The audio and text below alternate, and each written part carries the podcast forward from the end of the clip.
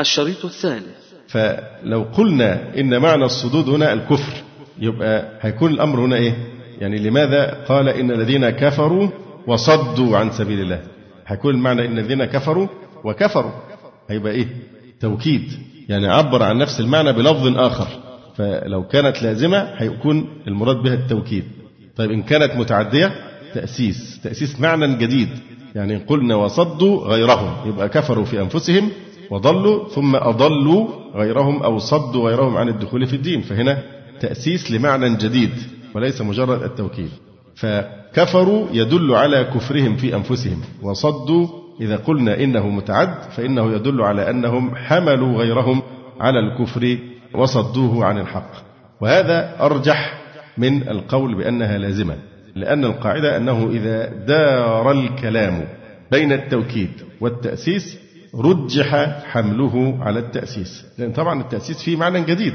يكون أولى من التوكيد لنفس المعنى فيقدم محتمل اللفظ الراجح على المحتمل المرجوح فالتأصل مثلا يقدم على الزيادة مثلا في قوله تعالى ليس كمثله شيء يحتمل كون الكاف زائدة ويحتمل أنها غير زائدة فلو قلنا انها غير زائده فالمراد بالمثل هنا الذات ليس مثله شيء لو قلنا ان الكاف ايه؟ زائده ان قلنا انها غير زائده فيكون المعنى ليس كمثله شيء يبقى مثل هنا يراد بها الذات كقول العربي مثلك لا يفعل هذا يعني أنت لا تفعل ذاتك أنت لا تفعل آه، هذا أو لا ينبغي لك أن تفعل هذا انها يعني ليست زائدة اللي هي يعني فيها أصيلة فهيبقى المعنى ليس كمثله شيء وليس كالله شيء ونظيره من إطلاق المثل وإرادة الذات قوله تعالى وشهد شاهد من بني إسرائيل على مثله الهاء تعود إلى إيه؟ على القرآن الكريم يبقى وشهد شاهد من بني إسرائيل على نفس القرآن لا على شيء آخر مماثل له مثلا قوله تعالى كمن مثله في الظلمات يبقى كمن هو في الظلمات هذا مثال للتأصل يقدم على الزيادة لماذا؟ أن الزيادة مرجوحة احتمال مرجوح والتأصل احتمال راجح الاستقلال يقدم على الإضمار كقوله تعالى أن يقتلوا أو يصلبوا إلى آخر الآية كثير من العلماء يضمرون قيودا غير مذكورة فيقولون أن يقتلوا إذا قتلوا أو يصلبوا إذا قتلوا وأخذوا المال أو تقطع أيديهم وأرجلهم من خلاف إذا أخذوا المال ولم يقتلوا إلى آخره فالمالكية يرجحون أن الإمام مخير بين المذكورات مطلقا لأن استقلال اللفظ أرجح من إضمار قيود غير مذكورة لأن الأصل عدمها حتى تثبت بدليل أيضا من ضمن تطبيقات هذه القاعدة أن المحتمل اللفظ الراجح يقدم على المحتمل المرجوح التأسيس يقدم على التوكيد كقوله تعالى فبأي آلاء ربكما تكذبان وقوله ويل يومئذ للمكذبين في سورة المرسلات قيل تكرار اللفظ فيهما للتوكيد إن كل مرة أعيدت للتوكيد وكونه تأسيسا أرجح فتحمل الآلاء في كل موضع على ما تقدم قبله كل آية أتى بعدها فبأي لاء ربكم تكذبان إشارة إلى ما ذكر في الآية التي قبلها مباشرة وليس هو توكيدا وكذلك ويل يومئذ للمكذبين فيحمل على المكذبين بما ذكر قبل مباشرة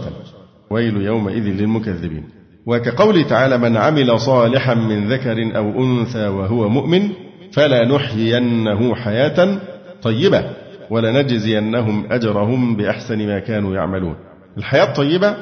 حملناها على الحياة الدنيا فإن ذلك يكون تأسيسا أم توكيدا يبقى هنا حياة طيبة إذا قلنا إنها الحياة الدنيا يبقى هنا في تأسيس بدليل أن الآخرة جاية بعدين يبقى ده معنى مستقل غير المعنى الذي بعدها فإن حملنا الحياة الطيبة في هذه الآيات على الحياة الدنيا كان ذلك تأسيسا وإن حملناها على حياة الجنة تكرر ذلك مع قوله بعده ولنجزينهم أجرهم إلى آخره لأن حياة الجنة الطيبة هي أجرهم الذي يجزونه يقول أبو حيان والظاهر من قوله تعالى فلنحيينه حياة طيبة أن ذلك في الدنيا وهو قول الجمهور ويدل عليه قوله ولنجزينهم أجرهم يعني في الآخرة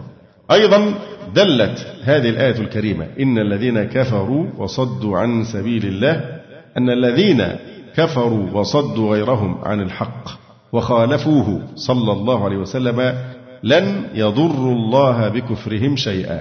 لأنه غني لذاته الغنى المطلق كما قال تبارك وتعالى ولن تبلغوا ضري فتضروني وقال أيضا لو أن أولكم وآخركم وإنسكم وجنكم كانوا على أفجر قلب رجل واحد منكم ما نقص ذلك من ملكي شيئا أيضا دلت الآية على أنهم إنما يضرون بذلك أنفسهم من يطع الله ورسوله فقد رشد ومن يعص الله ورسوله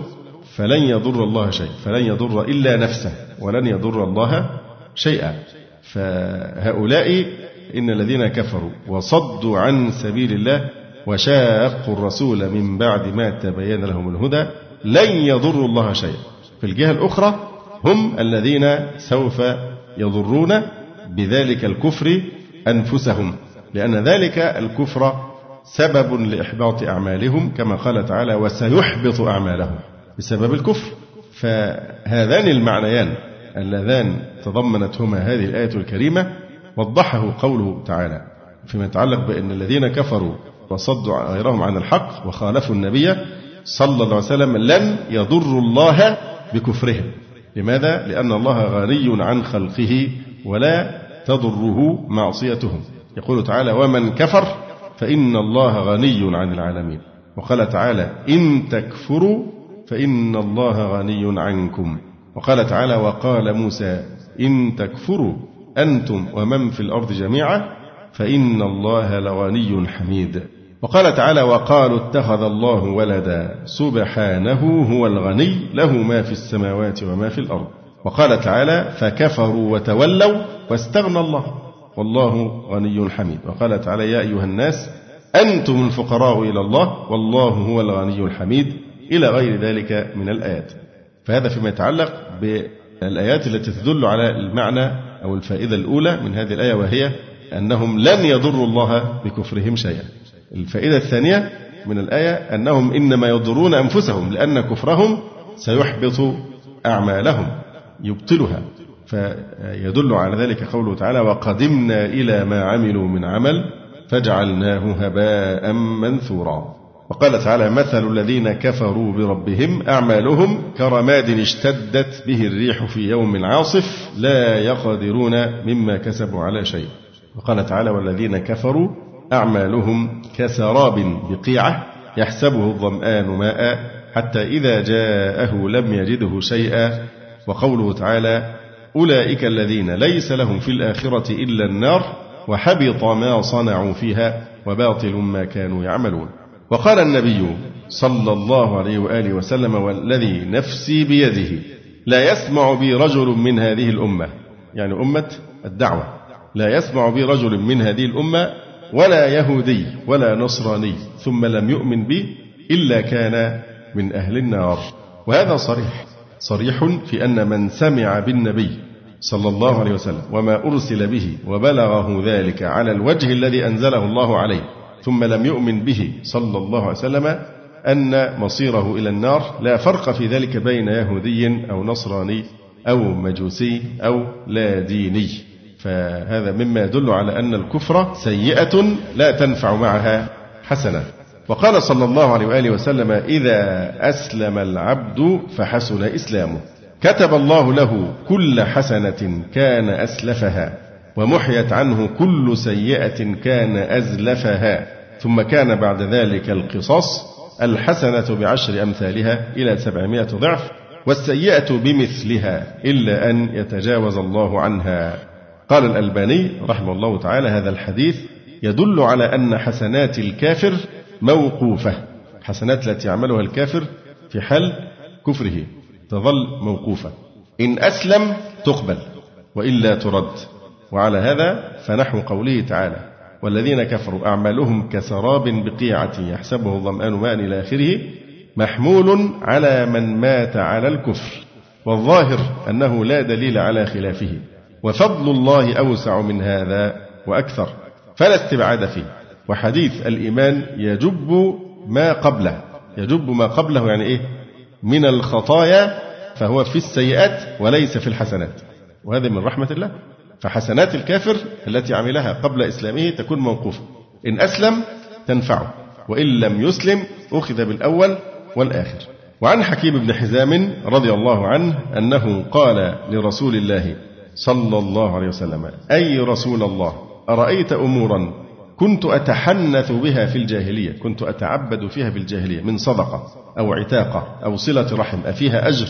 فقال رسول الله صلى الله عليه وسلم أسلمت على ما أسلفت من خير وهذا أخرجه الشيخان وعن أم المؤمنين عائشة رضي الله تعالى عنها قالت قلت يا رسول الله ابن جدعان كان في الجاهلية يصل الرحم ويطعم المسكين فهل ذلك نافعه قال لا يا عائشة إنه لم يقل يوما رب اغفر لي خطيئتي يوم الدين وهذا رواه مسلم في هذا الحديث دلالة ظاهرة على أن الكافر إذا أسلم فنفعه عمله الصالح في الجاهلية بخلاف ما إذا مات على كفره فإنه لا ينفعه بل يحبط بكفره وعن ابي امامه الباهلي رضي الله عنه قال: كنت تحت راحله رسول الله صلى الله عليه وسلم في حجه الوداع فقال قولا حسنا فقال فيما قال: من اسلم من اهل الكتاب فله اجره مرتين وله مثل الذي لنا وعليه مثل الذي علينا ومن اسلم من المشركين فله اجره وله مثل الذي لنا وعليه مثل الذي علينا فهذا فيه إبطال للحديث الشائع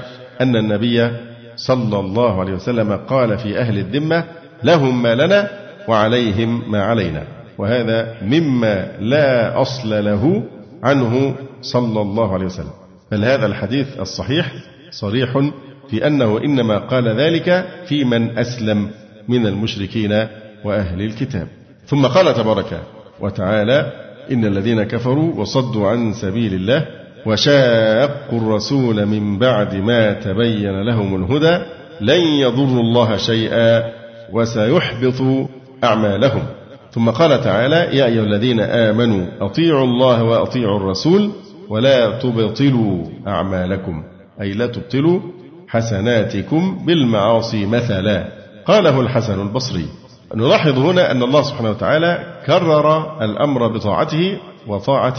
رسوله صلى الله عليه وسلم فقال أطيعوا الله وأطيعوا الرسول فهذه الآية من الأدلة على وجوب طاعة رسول الله صلى الله عليه وسلم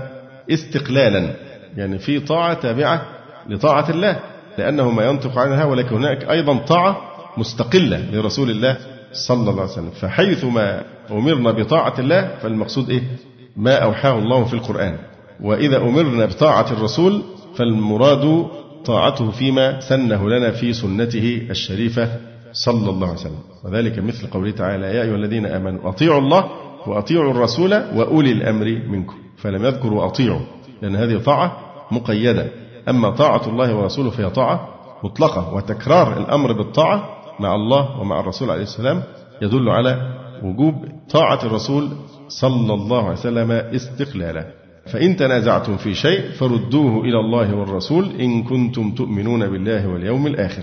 والرد إلى الله هو الرجوع إلى كتابه سبحانه والرد إلى الرسول صلى الله عليه وسلم هو الرجوع إليه صلى الله عليه وسلم في حياته وإلى حديثه بعد مماته صلى الله عليه وسلم قال تعالى فليحذر الذين يخالفون عن أمره أن تصيبهم فتنة أو يصيبهم عذاب أليم وقال تعالى من يطع الرسول فقد أطاع الله وقال تعالى وما كان لمؤمن ولا مؤمنة إذا قضى الله ورسوله أمرا أن يكون لهم الخيارة من أمرهم وقال تعالى وما آتاكم الرسول فخذوه وما نهاكم عنه فانتهوا وقال تعالى فلا وربك لا يؤمنون حتى يحكموك فيما شجر بينهم ثم لا يجدوا في أنفسهم حرجا مما قضيت ويسلموا تسليما وقال تعالى وأطيعوا الله والرسول لعلكم ترحمون وقال تعالى قل أطيعوا الله والرسول فإن تولوا فإن الله لا يحب الكافرين أما الأحاديث فهي كثيرة جدا مثل قوله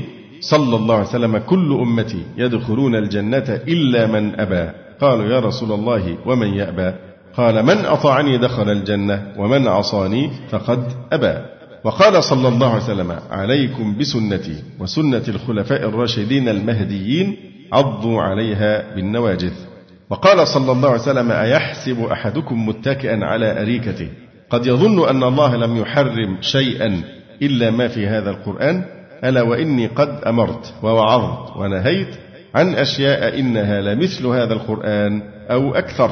وقال صلى الله عليه وسلم ألا وإني أوتيت الكتاب ومثله معه وقال أيضا ألا هل عسى رجل يبلغه الحديث عني وهو متكئ على أريكته فيقول بيننا وبينكم كتاب الله تعالى فما وجدنا فيه حلالا استحللناه وما وجدنا فيه حراما حرمناه وإنما حرم رسول الله صلى الله عليه وسلم كما حرمه الله وقال صلى الله عليه وسلم تركت فيكم شيئين لن تضلوا بعدهما كتاب الله وسنتي ولن يتفرقا حتى يرد علي الحوضا فالعصمة من الانحراف والضلال إنما تكون بالتمسك بالكتاب والسنة وذلك الحكم مستمر إلى يوم القيامة فلا يجوز التفريق بين كتاب الله عز وجل وسنة نبيه صلى الله عليه وآله وسلم تسليما كثيرا فالسنة وحي مستقل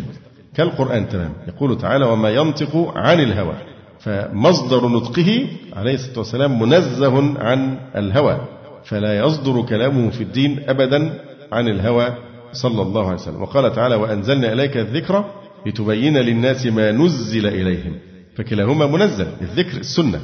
في تنزيلين وأنزلنا إليك الذكر لتبين للناس ما نزل إليهم يعني من القرآن فهذا يدل أيضا على أن السنة وحي منزل من عند الله تعالى ولذلك لما سئل الإمام عبد الله بن مبارك هذه الأحاديث الموضوعة قال تعيش لها الجهابذة ثم تلا قوله تعالى إنا نحن نزلنا الذكر وإنا له لحافظون وقال تعالى لتحكم بين الناس بما أراك الله أي في السنة وقال تعالى ثم إن علينا بيانه يعني بالسنة يقول الإمام ابن القيم رحمه الله تعالى أنزل الله سبحانه وتعالى على رسوله وحيين وأوجب على عباده الإيمان بهما والعمل بما فيهما وهما الكتاب والحكمة قال تعالى وأنزل الله عليك الكتاب والحكمة وقال تعالى هو الذي بعث في الأميين رسولا منهم يتلو عليهم آياته ويزكيهم ويعلمهم الكتاب والحكمة وقال تعالى واذكرن ما يتلى في بيوتكن من آيات الله والحكمة تتلى أيضا السنة والكتاب هو القرآن والحكمة هي السنة باتفاق السلف وما أخبر به الرسول صلى الله عليه وسلم عن الله فهو في وجوب تصديقه والإيمان به كما أخبر به الرب تعالى على لسان رسوله صلى الله عليه وسلم هذا أصل متفق عليه بين أهل الإسلام لا ينكره إلا من ليس منهم وقد قال النبي صلى الله عليه وسلم ألا إني أوتيت الكتاب ومثله معه فما يحصل من حملات من الجهلة في هذا الزمان على سنة النبي صلى الله عليه وآله وسلم يعني هذا عدوان على المصدر الثاني من مصادر التشريع في الإسلام وهو السنة النبوية الشريفة فعليهم أن يكونوا واضحين في خيار إما يختاروا الإسلام كما أنزله الله وإما يرفضوه جملة أما أن يدعوا الانتساب إلى القرآن الكريم ويتطورون وينكرون سنة رسول الله صلى الله عليه وسلم فما سمعنا في أي مذهب أسسه حتى لو أي إنسان ضال أو مبتدع أو مفكر أو فيلسوف فيش حد أبدا يجي للمذهب بتاعه ويقعد يبتر ويحذف ويعمل ابدا ما سمعناش لا في شيوعيه ولا في بوذيه ولا في اي دين ان واحد ممن ينتسبون لهذا الفكر او المذهب يعبث بفكرة مؤسس المذهب فما بالك بوحي إلهي يتطاولون على الشرع وإذا كانش توافقهم يبقى أنت متطرف وأنت إرهابي وأنت متشدد والخطاب الديني ومش عارف هذا الكلام الجاهل وأخطر ما في الموضوع أنه في أثناء تناول هذه القضايا المملاة عليهم أثناء التناول بيقفزون ويرتكبون جرائم عظمى خيانة عظمى للإسلام فحينما تتكلم إحدى هؤلاء الضلات المعاندات للشرع الشريف وتقول وبيقولوا علينا ناقصات عقل ودين بيقولوا علينا وتظل تنتقد اللي بيقول ناقصات عقل ودين فبتجرئ الناس على أن حديث صحيح عن الرسول عليه الصلاة والسلام أنهم لا يبالون به ويطلقون ألسنتهم في نقده والعياذ بالله تعالى مع أن الحديث واضح الحديث ليس فيه أي انتقاص للمرأة إطلاقا ده إقرار واقع أمر واقعي ناقصات عقل ودين لما استفسر الصحابة عن معنى الحديث بين النبي عليه الصلاة والسلام يعني للمرأة إذا حاضت فإنها لا تصلي فهذا هو نقصان دينه وفي الشهادة أيضا تكون بنصف شهادة الرجل والمرأة قد لا تقبل شهادته في بعض الأشياء مراعاة لتركيبها يعني المرأة لو شافت واحد بيقتل واحد إيه اللي هيحصل؟ شيء طبيعي ما دامت ست مش مسترجلة فحكم المرأة وتكوينها أنها كتلة من العاطفة والأحاسيس تغلب عليها العواطف فلا تتماسك في مثل هذه الأشياء عشان كده ما بنشوفش واحدة جراحة مثلا نادر جدا من واحدة ست جراحة بالنسبة لواحدة بتشوف جريمة قتل هتعرف توصف ولا بيغمى عليها وتقع على الأرض وتقول كذا وكذا فدي شيء طبيعي بيحصل لكن الرجل يتماسك أكثر نتيجه تركيب المرأة إيه المشكلة فيها بقى تقول لك بقى انا يبقى بواب العماره بتاعي يبقى شهادته زي شهاده مش عارف امينه السعيد وسهير القلماوي والمفكرات الرائدات في هذا العبث فالشاهد يعني من الكلام ان اثناء تطاول على الشريعه مش بيحصل بطريقه مباشره لكن بيجرئوا الناس على اشياء يعرفون ان فيها احاديث ولا كان في احترام للحديث ولا تقدير لقول المعصوم الصادق المصدوق صلى الله عليه وسلم فبدل الالتواء ولحن القول ولا تعرف أنهم في لحن القول بدل لحن القول قولوا صراحة إن كنتم تكفرون بهذا الإسلام لا تحترمون هذا النبي لا تقدسون هذا القرآن قولوها وما في داعي للسراديب والكلام الملتوي وأن تقولوا إن أردنا إلا إحسانا وتوفيقا فالإسلام نزل ليحكم الناس لا ليتحكم فيه الناس ويأخذوا ما شاءوا ويتركوا ما شاءوا ويعملوا عملية تجميل علشان الغرب يرضى والناس هتقول علينا إيه والخواجات هيقولوا علينا إيه ماذا تنتظر منهم ماذا تنتظر من أعداء هذا الدين عمرنا ما سمعنا في أي مذهب حد ينتسب للمذهب ويحرف فيه ممكن واحد بيعمل مدرسة تانية ويجيب له مذهب خاص به هو لو مش عاجبه فإشمعنا في الإسلام بالذات وفي سنة الرسول عليه الصلاة والسلام وفي شريعته ينتسبون إليه ثم ينخرون كالسوس في داخل الشريعة بالحذف والتحريف والتأويل والخطاب الديني المعتدل والخطاب الديني المتطرف وكل هذا الكلام الشيطاني الذي يصدون به الناس عن سبيل الله تبارك وتعالى يعني الإنسان يقطع قطعا جازما أن كل هذا النشاط الشيطاني سوف يحوله الله عز وجل هباء منثورا التاريخ يثبت لنا ذلك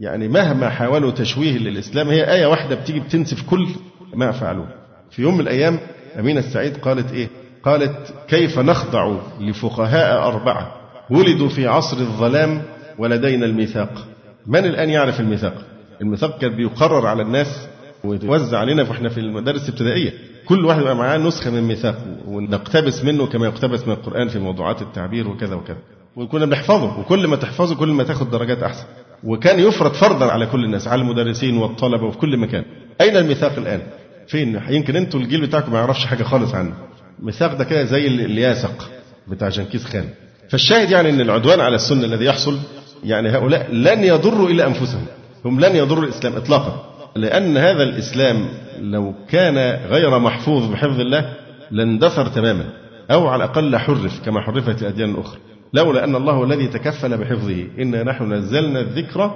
وإنا له لحافظون وهذه من أعلام النبوة ومن الأدلة على أن القرآن حق الآية حافلة بالتوكيدات إنا نحن نزلنا الذكر وإنا له شوف لا من توكيد لحافظون قطع وما يستطيع أحد أبدا أن يقدح في هذا ما عدا أعداء الله الرافضة قاتلهم الله هؤلاء فقط الذين طعنوا في القرآن ولذلك قال العلماء أنهم ليسوا مسلمين بكفرهم بعصمة القرآن الكريم وحفظه من التحريف لكن ما يستطيع أحد أن يطعن في حرف واحد من القرآن الكريم فمن أعجب العجب أن ينتسبوا إلى دين النبي عليه الصلاة والسلام ثم ينخرون كالسوس في شريعته ويحذفون منها ما لا يوافق أهواءهم فالحكمة وردت في كتاب الله تبارك وتعالى على نوعين أحيانا تأتي مفردة وأحيانا تأتي مقترنة بالكتاب مفردة مثل قوله تعالى يؤتي الحكمة من يشاء ومن يؤتى الحكمة فقد أوتي خيرا كثيرا وقال تعالى في المسيح عليه السلام ويعلمه الكتاب والحكمة والتوراة والإنجيل المفردة اللي فسرت بالنبوة وفسرت بعلم القرآن وقيل هي الإصابة في القول والفعل وقيل هي الورع في دين الله وقيل هي معاني الأشياء وفهمها أما الحكمة حينما تأتي مقترنة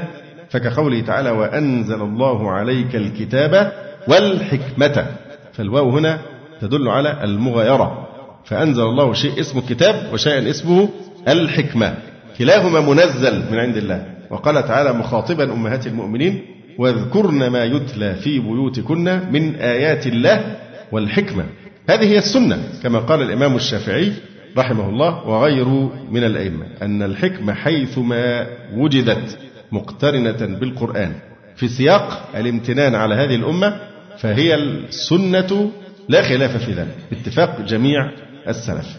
يمكن تعرضنا من قبل بالتفصيل لسرد كثير من الأدلة على حجية السنة ووجوب التحاكم إليها ونقد المسلك الخلفي بالتحكم في السنة عن طريق بعض القواعد الباطلة لمصادمتها هذا المعنى كتقديم القياس على خبر الآحاد أو رد خبر الآحاد إذا خالف الأصول أو رد الحديث التي يتضمن حكما زائدا على نص القرآن الكريم وغير ذلك من الأمور كالتقليد المذهبي المصادم للأدلة الشرعية فنختصر لأجل إنجاز ما نستطيع من التفسير هذا فيما يتعلق بقوله تعالى يا أيها الذين آمنوا أطيعوا الله وأطيعوا الرسول ولا تبطلوا أعمالكم يعني لا تبطلوا حسناتكم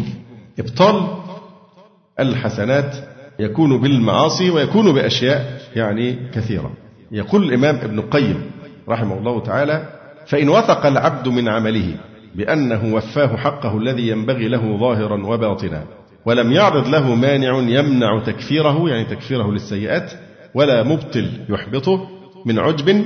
أو رؤية نفس فيه أو يمن به أو يطلب من العباد تعظيمه به أو يستشرف بقلبه لمن يعظمه عليه أو يعادي من لا يعظمه عليه ويرى أنه قد بخسه حقا وأنه قد استهان بحرمته فهذا أي شيء يكفر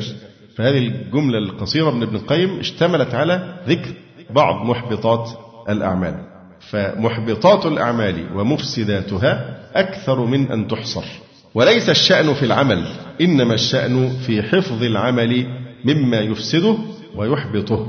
فالرياء وإن دق محبط للعمل وهو أبواب كثيرة لا تحصر يقول الله عز وجل في الحديث القدسي من عمل عملا أشرك معي فيه غيري تركته وشركه ولذلك الثلاثة الذين هم أول من تسعر بهم النار يقول كذبت بل تعلمت ليقال عالم فقد قيل يعني نلت ما كنت تصبو إليه فيؤمر به فيقذف في النار فالرياء حتى وإن كان دقيقا يحبط العمل وخير ما يقرأ في باب الإخلاص والرياء هو رسالة الدكتور الأشقر مقاصد المكلفين هذا كتاب قيم جدا وهو موجود الآن في سلاسل يعني نفس الكتاب الكبير جزء إلى أجزاء يعني ننصحكم بالاهتمام الشديد بهذا الكتاب يعني أكاد أقول أن هذا الكتاب يتعين على كل مسلم أن يقرأه لما احتوى من معان رائعة جدا تتعلق بقضية الإخلاص والرياء مقاصد المكلفين فيما يتعبد به لرب العالمين للدكتور عمر سليمان الأشقر حفظه الله تعالى فهذا من المحبطات من المحبطات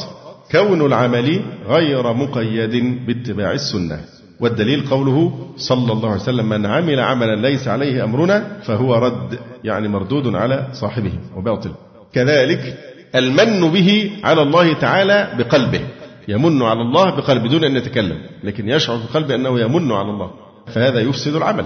كذلك المن بالصدقة والمعروف والبر والإحسان والصلة مفسد لها كما قال عز وجل يا أيها الذين آمنوا لا تبطلوا صدقاتكم بالمن والأذى وأكثر الناس ما عندهم خبر عن السيئات التي تحبط الحسنات وقد قال تعالى يا أيها الذين آمنوا لا ترفعوا أصواتكم فوق صوت النبي ولا تجهروا له بالقول كجهر بعضكم لبعض أن تحبط أعمالكم وأنتم لا تشعرون فحذر المؤمنين من حبوط أعمالهم بالجهر لرسول الله صلى الله عليه وآله وسلم كما يجهر بعضهم لبعض وليس هذا بردة بل معصية تحبط العمل وصاحبها لا يشعر بها لأنه إذا جهر وعلى صوته على صوت رسول الله صلى الله عليه وآله وسلم قد يغضب رسول الله فإذا أغضب رسول الله فإن الله يغضب لغضب خليله صلى الله عليه وآله وسلم فيحبط عمل من أغضبه عليه الصلاة والسلام فما الظن بمن قدم على قول رسول الله صلى الله عليه وسلم وهديه وطريقه قول غيره وهديه وطريقه أليس هذا قد حبط عمله وهو لا يشعر ومن هذا قول النبي صلى الله عليه وسلم من ترك صلاة العصر فقد حبط عمله ومن هذا قول عائشة رضي الله تعالى عنها وعن أبيها لزيد بن أرقم رضي الله عنه لما باع بالعينة إنه قد أبطل جهاده مع رسول الله صلى الله عليه وسلم إلا أن يتوب وليس التبايع بالعينة ردة وإنما غايته أنه معصية فمعرفة ما يفسد الأعمال في حال وقوعها ويبطلها ويحبطها بعد وقوعها من أهم ما ينبغي أن يفتش عليه العبد ويحرص على عمله يا أيها الذين آمنوا أطيعوا الله وأطيعوا الرسول ولا تبطلوا أعمالكم وفيه أن من شرع في عبادة لم يجوز له أن ينقضها فإن كانت نافلة استحب له أن يعيد مثلا لو كان صياما يستحب له أن يعيد مكانه يوما ثم قال تعالى إن الذين كفروا وصدوا عن سبيل الله أي عن طريق الله وهو الهدى ثم ماتوا وهم كفار فلن يغفر الله لهم نزلت في أصحاب القليب وهو بئر في بدر ألقي فيه القتلى من الكفار هذه الآية الكريمة إن الذين كفروا وصدوا عن سبيل الله ثم ماتوا وهم كفار فلن يغفر الله لهم في هذه الآية الكريمة بيان أن الاعتبار بالوفاة على الكفر يوجب الخلود في النار لأنه قيد الآية القاعدة بإيه ثم ماتوا وهم كفار هذه من رحمة الله سبحانه وتعالى بالخلق قيل إن المراد بالآيات أصحاب القليب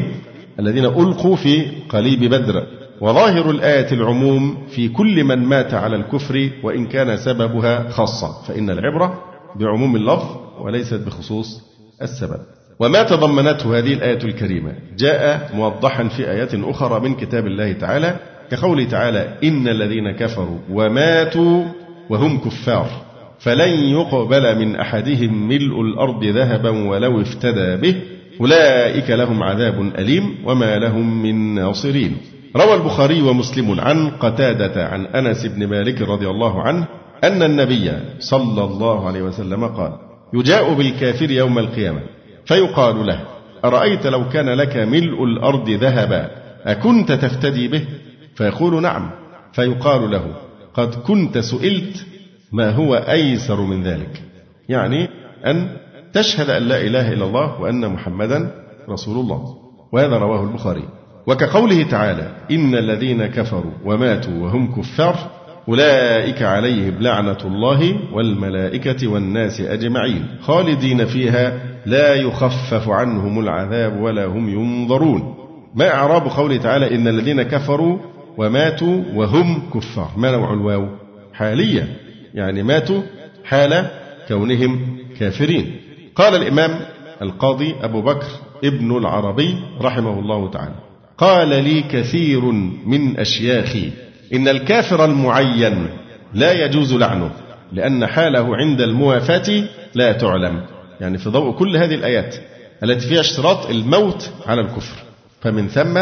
الكافر المعين لا يجوز لعنه بعينه أو القطع بأنه دخل النار لماذا؟ لأن حالة الوفاة وحالة ختم الأعمال الأعمال بالخواتيم وهذه لا يعلمها إلا الله سبحانه وتعالى لكن في الدنيا تجري عليه أحكام الكافر الظاهرة فالكافر المعين لا يجوز لعنه لأن حاله عند الموافاة لا تعلم وقد شرط الله تعالى في هذه الآية في إطلاق اللعنة الموافاة على الكفر أن يموت على الكفر هذا شيء لا نستطيع نحن أن نتبين طبعا إلا إذا دل نص من الوحي على أن فلانا كفرعون وأبي لهب مات على الكفر لكن أي كافر آخر لا يجوز لعنه بعينه لعدم علمنا بحاله عند الوفاة فالآية إن الذين كفروا وصدوا عن سبيل الله ثم ماتوا وهم كفار فلن يغفر الله لهم وقال هنا إن الذين كفروا وماتوا وهم كفار أولئك عليهم لعنة الله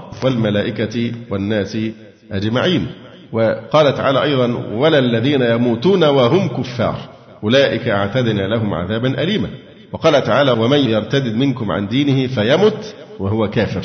فأولئك حبطت أعمالهم في الدنيا والآخرة وأولئك أصحاب النار هم فيها خالدون وقال تعالى إن الذين فتنوا المؤمنين والمؤمنات ثم لم يتوبوا فلهم عذاب جهنم ولهم عذاب الحريق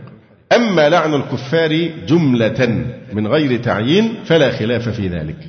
لما رواه مالك عن داود بن الحصين أنه سمع الأعرج يقول ما أدركت الناس إلا وهم يلعنون الكفرة في رمضان بالذات في النصف الثاني من رمضان لعنا عاما ولذلك من قلة فقه بعض إخواننا من زمان جدا كنا وإحنا بنفسر نفس الآية دي التاريخ قدامي اهو 9 ربيع الثاني 1399 فكان أميها كارتر موجود هنا في في اسكندرية فكان الإخوة بيعملوا مظاهرات في كلية الهندسة فكانوا يقولوا إيه كارتر كارتر يا لعين فين القدس وفلسطين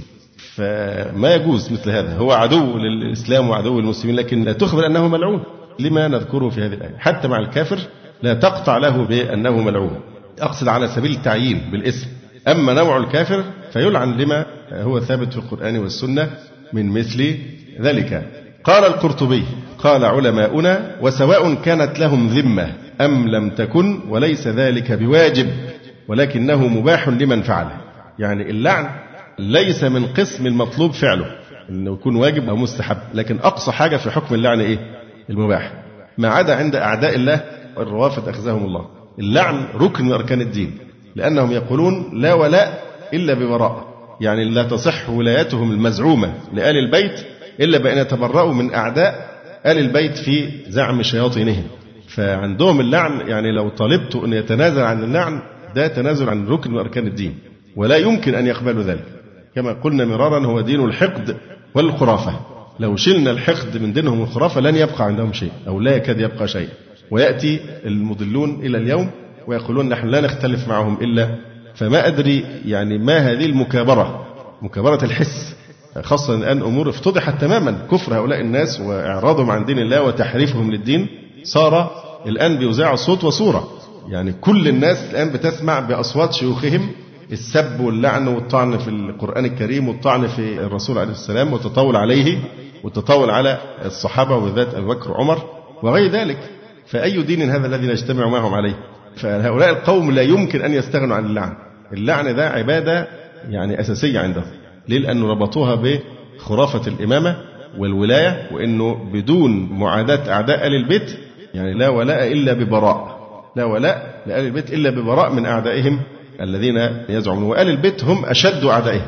لأن آل البيت لا يرضون بهذا آل البيت هم حظهم من آل البيت هو حظ النصارى الذين غلوا في المسيح حتى عبدوه من دون الله وبيعبدوا المسيح ويبكوا ويتذللون هل المسيح يفرح بهذا أم أن هذا يتبرأ منه المسيح عليه السلام وكنت عليهم شهيدا ما دمت فيهم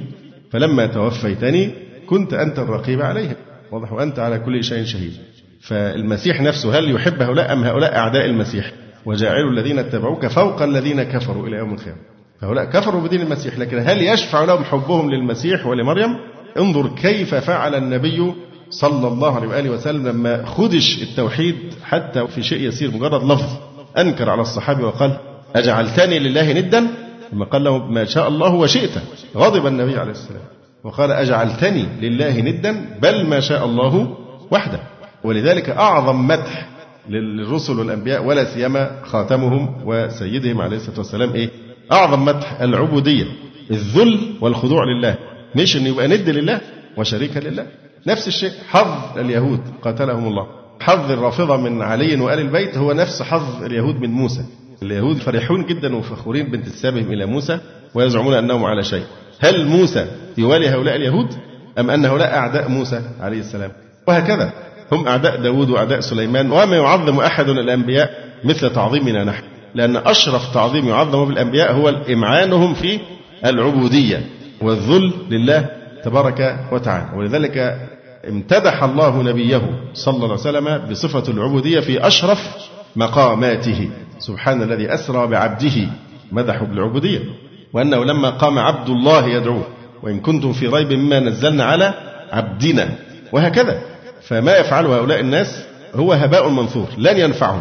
هذا ليس دين الإسلام قطعا والذي يقول خلاف ذلك إما أنه إنسان ما يزال غارقا في الجهل وإما أنه متآمر ضد الإسلام والمسلمين ملهاش أي تفسير تاني إما عميل لإيران وللشيعة وإما أنه غارق في بحار الجهل فلا يصح أصلا أن ينسب إلى علم لأن الأمور الآن زالت الغشاوة وكل الناس علموا حقيقة هؤلاء المجرمين أعداء الله وأعداء رسول الله وأعداء الإسلام والآن تستطيعون أن تسمعوهم بالصوت والصورة منتشرة الآن أشرطة وأقراص يعني هي عبارة عن كلام لآياتهم وعلمائهم الكبار وهم يأتون بهذه الكفريات الذي قادنا إلى هذا الاستطراد أن اللعن عند الشيعة ليس مجرد شيء مباح كما هو عند أهل السنة وعند أهل السنة مع أنه مباح لكن فين في الأذكار إنك أنت تقعد تلعن إبليس هل سمعنا مرة إن من ضمن الذكر الذي يحبه الله نقعد نقول اللهم لعن إبليس اللهم لعن إبليس اللهم لعن إبليس موجودة؟ ما نعرفها تضحكوا أنتم شيء غريب حتى إبليس لأن الإنسان كون يتعود على اللعن سيتجرأ حتى في المباح يعني أنت لا تحاول ألا تلعن بقدر المستطاع حتى لو كان مستحقا للعن لأن أخلاقك سوف تتغير مع الوقت سيهون عليك أن تلعن ولذلك يقول النبي صلى الله عليه وسلم إن اللعانين ليسوا بشفعاء ولا شهداء يوم القيامة يقول القرطبي قال علماؤنا وسواء كانت لهم ذمة أم لم تكن وليس ذلك بواجب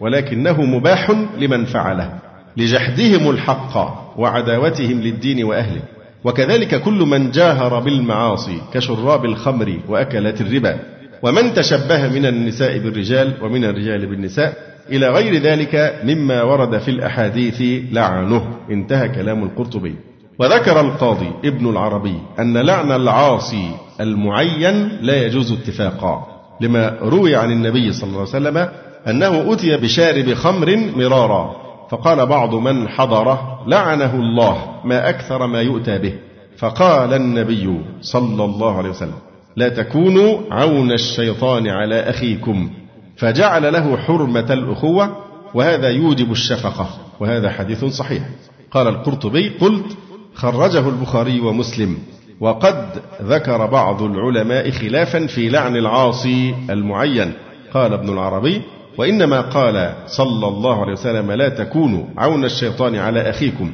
في حق نعيمان بعد إقامة الحد عليه ومن أقيم عليه حد الله تعالى فلا ينبغي لعنه ومن لم يقم عليه الحد فلعنته جائزة سواء سمي أو عين أم لا لأن النبي صلى الله عليه وسلم لا يلعن إلا من تجب عليه اللعنة ما دام على تلك الحالة الموجبة للعن فإذا تاب منها وأقلع وطهره الحد فلا لعنة تتوجه عليه وفي الحديث إن العبد إذا لعن شيئا صعدت اللعنة إلى السماء فتغلق أبواب السماء دونها ثم تهبط إلى الأرض فتأخذ يمنة ويسرع فإن لم تجد مساغا رجعت إلى الذي لعن فإن كان أهلا وإلا رجعت إلى قائلها وعنه صلى الله عليه وسلم قال لعن المسلم كقتله وهذا رواه البخاري لأنه إذا لعنه فكأنه دعا عليه بالهلاك وفي الحديث عن أنس رضي الله عنه لم يكن النبي صلى الله عليه وسلم سبابا ولا فحاشا ولا لعانا كان يقول لأحدنا عند المعتبة ما له ترب جبينه وهذا رواه البخاري وعن عمران بن حصين رضي الله عنهما قال بينما رسول الله صلى الله عليه وسلم في بعض أسفاره وامرأة من الأنصار على ناقة فضجرت فلعنتها فسمع ذلك رسول الله صلى الله عليه وسلم فقال خذوا ما عليها ودعوها فإنها ملعونة قال عمران فكأني أراها الآن تمشي في الناس ما يعرض لها أحد وهذا رواه مسلم وعن أبي هريرة رضي الله عنه أن رسول الله صلى الله عليه وسلم قال لا ينبغي لصديق أن يكون لعانا وإنما الكذاب الدجال هو الذي يكثر اللعن كما يحصل من شخص عار على أهل مصر أنها أنجبت هذا الإنسان وهو المدعو حسن شحاتة قاتله الله يلعن عائشة ويشتمها بأقبح الألفاظ يقول الكذا بنت الكذا وألا لعنة الله عليك يا عائشة ويظل يكرر هذا الكلام وكأنه صاحب حق قتله الله فعار على مصر أن تنجب أحمد راس بن نفيس وتنجب حسن شحاتة فانظر إلى الحديث لا ينبغي لصديق أن يكون لعانا وقال عليه الصلاة والسلام لا يكون اللعانون شفعاء ولا شهداء يوم القيامة معناه لا يشفعون يوم القيامة حين يشفع المؤمنون في إخوانهم الذين استوجبوا النار إن الذين كفروا وصدوا عن سبيل الله ثم ماتوا وهم كفار فلن يغفر الله لهم فلا تهنوا هذه الفاء الفصيحة يعني إذا علمتم وجوب الجهاد فلا تضعفوا ولا تهنوا فلا تهنوا وتدعوا إلى السلم أو السلم قراءتان أي الصلح مع الكفار إذا لقيتموه وأنتم الأعلون الواو حاليا يعني في حال كونكم الأعلون حذف منه واو لام الفاعل لأن أصلها إيه الأعلون أي الأغلبون القاهرون والله معكم هذه أيضا واو حالية والله معكم بالعون والنصر ولن يتركم أعمالكم لن يتركم لن ينقصكم أعمالكم أي ثوابها ومعنى لن يتركم كما قلنا ينقصكم من وترت الرجل إذا قتلت له قتيلا من ولد أو أخ أو حميم من الوتر وهو الانفراد وأوتره أفذه جعله فذا ومنه أوتر الصلاة ووترها يعني جعلها وترا وتقول وترت زيدا حقه أي نقصته يقول عليه الصلاة والسلام من فاتته صلاة العصر فكأنما وتر أهله وماله ما إعراب أهله مفعول به ثان ففسروها هنا ولن يتركم أي لن ينقصكم أعمالكم فسروها لن يتركم في أعمالكم كما تقول دخلت البيت وأنت تقصد إيه دخلت في البيت ولذلك نص صاحب المختار على أن أعمالكم منصوب بنزع الخافض ولن يتركم أعمالكم منصوب بنزع الخافض وهو في أعمالكم ويجوز أن تكون مفعولا به نقف وقفة هنا مع قوله تبارك وتعالى والله معكم ولن يتركم أعمالكم المعية جاءت في القرآن الكريم آيات تدل على أن المعية نوعان في معية عامة هناك معية خاصة فالمعية الخاصة هي خاصة بالمتقين المحسنين كقوله تعالى فلا تهنوا وتدعوا إلى السلم وأنتم الأعلون والله معكم ولن يتركم أعمالكم وقوله تعالى إن الله مع الذين اتقوا والذين هم محسنون وقال تعالى لا تخافا إنني معكما أسمع وأرى قال كلا إن معي ربي سيهدين قال إذ يوحي ربك إلى الملائكة أني معكم قال إذ يقول لصاحبه لا تحزن إن الله معنا هذه معية خاصة أما المعية العامة فما جاء في قوله تعالى ما يكون من نجوى ثلاثة إلا هو رابعهم ولا خمسة إلا هو سادسهم ولا أدنى من ذلك ولا أكثر إلا هو معهم أينما كان وقال تعالى وهو معكم أينما كنتم وقال فلنقصن عليهم بعلم وما كنا غائبين وقال وما تكون في شأن وما تتلو منه من قرآن ولا تعملون معامل إلا كنا عليكم شهودا إذ تفيضون فيه فهناك معية خاصة ومعية عامة المعية الخاصة بالنصر والتوفيق والإعانة وهذه لخصوص المتقين المحسنين إن الله مع الذين اتقوا والذين هم محسنون ومعية عامة بالإحاطة والعلم لأنه تعالى أعظم وأكبر من كل شيء محيط بكل شيء فجميع الخلائق في يده أصغر من حبة خردل في يد أحدنا وله المثل الأعلى تبارك وتعالى فالمعية العامة لكل الخلائق بالعلم والسمع والبصر والإحاطة ثم يقول تبارك وتعالى إنما الحياة الدنيا لعب ولهو إنما كافة ومكفوفة إنما الحياة الدنيا أي الاشتغال فيها لعب ولهو فلا تغتروا بها وإن تؤمنوا وتتقوا الله وذلك من أمور الآخرة يؤتكم أجوركم ولا يسألكم أموالكم إعراب أموالكم مفعول به ثان ولا يسألكم أموالكم إيه جميعها بل الزكاة المفروضة فيها وما زاد عليها فهو تطوع منكم إن يسألكموها فيحفكم تبخلوا ويخرج أضغانكم إن يسألكموها هذه الميم يسألكموها علامة جمع الذكور أما الواو فهي للإشباع إن يسألكموها ما إعرابها مفعول ثاني المفعول الأول إيه بقى الكاف إن يسألكموها فيحفكم أي يبالغ في طلبها حتى يستأصلها فيجهدكم بذلك فالإحفاء معناه المبالغة وبلوغ الغاية في كل شيء إحفاء يقال أحفى شاربه أي استأصله حفى شاربه أي بالغ في أخذه كأحفاه فيحفكم تبخلوا ويخرج أضغانكم ويخرج البخل أضغانكم لأنكم قوم تحبون المال ومن نزع في حبيبه ظهرت كوامنه التي يخفيها تبخلوا ويخرج أضغانكم جمع ضغينة أي الحقد والبغض لدين الإسلام هو كلمة لدين الإسلام دي كلمة المفروض ما تعديش يعني بسهولة لأن السياق هنا الخطاب هنا الظاهر أنه للمؤمنين ننظر في كلام المفسرين يقول شيخ المفسرين رحمه الله تعالى يقول تعالى ذكره حاضا عباده المؤمنين على جهاد أعدائه والنفقة في سبيله وبذل مهجتهم في قتال أهل الكفر به قاتلوا أيها المؤمنون أعداء الله وأعداءكم من أهل الكفر ولا تدعكم الرغبة في الحياة إلى ترك قتالهم فإنما الحياة الدنيا لاعب وله إلا ما كان منها لله من عمل في سبيله وطالب رضاه فأما ما عدا ذلك فإنما هو لعب وله يضمحل فيذهب ويندرس فيمر أو إثم يبقى على صاحبه عاره وخزيه وإن تؤمنوا وتتقوا يؤتكم أجوركم ولا يسألكم أموالكم يعني ولا يسألكم ربكم أموالكم ولكنه يكلفكم توحيده وخلع ما سواه من الأنداد وإفراد الألوهة والطاعة له إن يسألكموها أي إن يسألكم ربكم أموالكم فيحفكم فيجهدكم بالمسألة ويلح عليكم بطلبها منكم فيلحف تبخلوا تبخلوا بها وتمنعوها إياه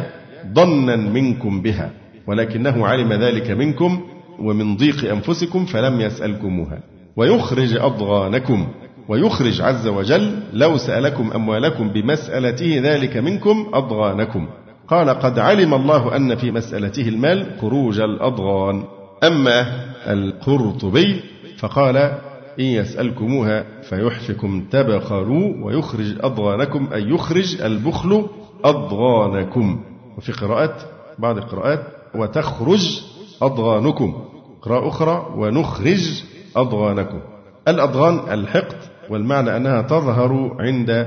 ذلك قال قتادة علم الله أن في سؤال المال خروج الأضغان لدين الإسلام من حيث محبة المال بالجبلة والطبيعة ومن نزع في حبيبه ظهرت طويته التي كان يسرها قال ابن كثير وصدق قتاده فإن المال محبوب ولا يصرف إلا فيما هو أحب إلى الشخص منه ثم قال تعالى ها أنتم هؤلاء تدعون لتنفقوا في سبيل الله فمنكم من يبخل يقول عز وجل ها أنتم هؤلاء ها أنتم أي يا هؤلاء المؤمنون أيها المؤمنون تدعون طبعا ها هنا للإيه للتنبيه آه، أنتم هؤلاء يعني يا هؤلاء أيها المؤمنون تدعون لتنفقوا في سبيل الله ما فرض عليكم فمنكم من يبخل هذه الفاء بقى عاطفة للتفريع فمنكم من يبخل طيب حتى يتم التفريع لا بد من تقدير جملة صحيح ولا لا منكم من يبخل ومنكم من يجود وإنما حذف هذا المقابل لأن المقام مقام استدلال على البخل فمنكم من يبخل ومن يبخل فإنما يبخل عن نفسه يقال بخل عليه وعنه ففعل يبخل يتعدى بعلى ويتعدى أيضا بإيه بعن لتضمينه معنى الإمساك والتعدي تقول بخلت عليه وبخلت عنه مثل ضننت ضننت عليه وضننت عنه فإنما يبخل عن نفسه يعني أن يمنعها الأجر والثواب ثم قال تعالى والله الغني الواو هنا استئنافية والله الغني عن نفقتكم وأنتم الفقراء أي إليه وإن تتولوا يستبدل قوما غيركم إن تتولوا عن طاعته يستبدل قوما غيركم أي يجعلهم بدلكم وتكلمنا بالأمس في سنة الإيه؟ الاستبدال ثم لا يكونوا أمثالكم ثم لا طبعا يكون معطوف على الجواب المجزوم يستبدل ثم لا يكون أمثالكم في التولي عن طاعته بل يكونون مطيعين لله عز وجل آه، نزيد هذه الآية الأخيرة إيضاحا قوله تعالى وإن تتولوا يستبدل قوما غيركم ثم لا يكونوا أمثالكم المعنى إن تعرضوا عن الإيمان والتقوى يستبدل قوما آخرين يكونوا مكانكم هم أطوع لله منكم عن ابن عباس رضي الله عنهما قال لما نزلت هذه الآية قالوا من هؤلاء وسلمان إلى جانب النبي صلى الله عليه وسلم فقال هم الفرس هذا وقومه وفي إسناده مسلم الزنجي قد تفرد به وفيه مقال معروف ولهذا الحديث طرق في الصحيح ودي كانت مشكلة كبيرة بقى مثل هذا الحديث لما حدثت ثورة الخميني بعض الناس اندفاعا أيضا وراء العاطفة الجاهلة كانوا يرددون هذا الحديث هذا وقومه فيقول لك ده تنبؤ بمين؟ بثورة الخميني التي ستعز الإسلام والمسلمين فكانوا يستدلون بإيه؟ بهذا الحديث هذا وقومه ويستدلون بنفس الآية تماما زي ما حصل في فتنة حسن نصر لما قالوا ده جاء ذكره في القرآن الكريم إذا جاء نصر الله والفتح متى نصر الله؟ ألا إن نصر الله قريب فهذا من الاستنباطات الساذجة وعن أبي هريرة رضي الله عنه قال تلا رسول الله صلى الله عليه وسلم هذه الآية فقالوا يا رسول الله من هؤلاء الذين إن تولينا استبدلوا بنا ثم لا يكونوا أمثالنا فضرب رسول الله صلى الله عليه وسلم على منكب سلمان ثم قال هذا وقومه والذي نفسي بيده لو كان الإيمان منوطا بالثريا لتناوله رجال من فارس وهذا أخرجه الترمذي وابن مردويه والطبراني والبيهقي في الدلائل وفي إسناده مسلم بن خالد الزنجي نحوه قال عكرمة هم فارس والروم وقال الحسن هم العجم وقال شريح بن عبيد هم أهل اليمن وقيل الأنصار وقال مجاهد هم من شاء الله من سائر الناس وقال المحاسبي فلا أحد يعد من جميع أجناس الأعاجم أحسن دينا ولا كانت منهم العلماء إلا الفرس لأن إيران أصلا إيران كما ناقشنا من قبل في تاريخ الدولة الصفوية إيران أصلا كان ثلثاها من السنة والثلث فقط كانوا من الرافضة ثم لما قامت الدولة الصفوية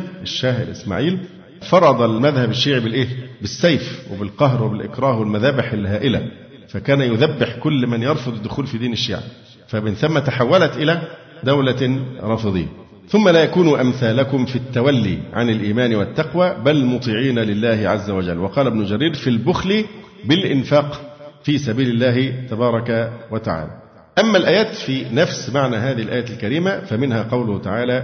ولله ما في السماوات وما في الأرض وكفى بالله وكيلا إن يشأ يذهبكم أيها الناس ويأتي بآخرين وكان الله على ذلك قديرا يقول القرطبي في الآية تخويف وتنبيه لجميع من كانت له ولاية وإمارة ورياسة فلا يعدل في رعيته أو كان عالما فلا يعمل بعلمه ولا ينصح الناس أن يذهبه ويأتي بغيره وقال تعالى وربك الغني ذو الرحمة